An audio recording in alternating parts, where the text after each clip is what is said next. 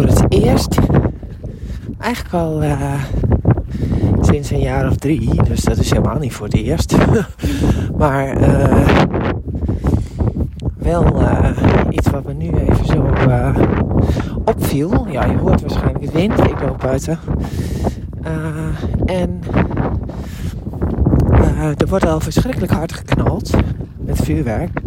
En vroeger zou ik daar echt mij kapot aan hebben geërgerd. Jeetje, Mina, het is nog geen. Nou ja, dat soort uh, dingen.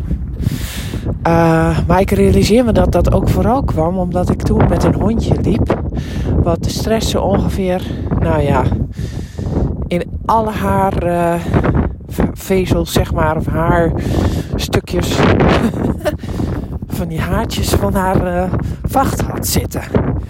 Uh, was, uh, ik denk dat we daar in haar pubtijd een keer iets niet heel handig in hebben gedaan. Was onze allereerste hond, dus ja, dan weet je ook nog niet zoveel van honden opvoeden af. Maar die was zo bang voor vuurwerk. Dan ging ze helemaal met de, grond, de buik aan de grond uh, lopen. En ja, dat was echt gewoon altijd een hel voor dat beest.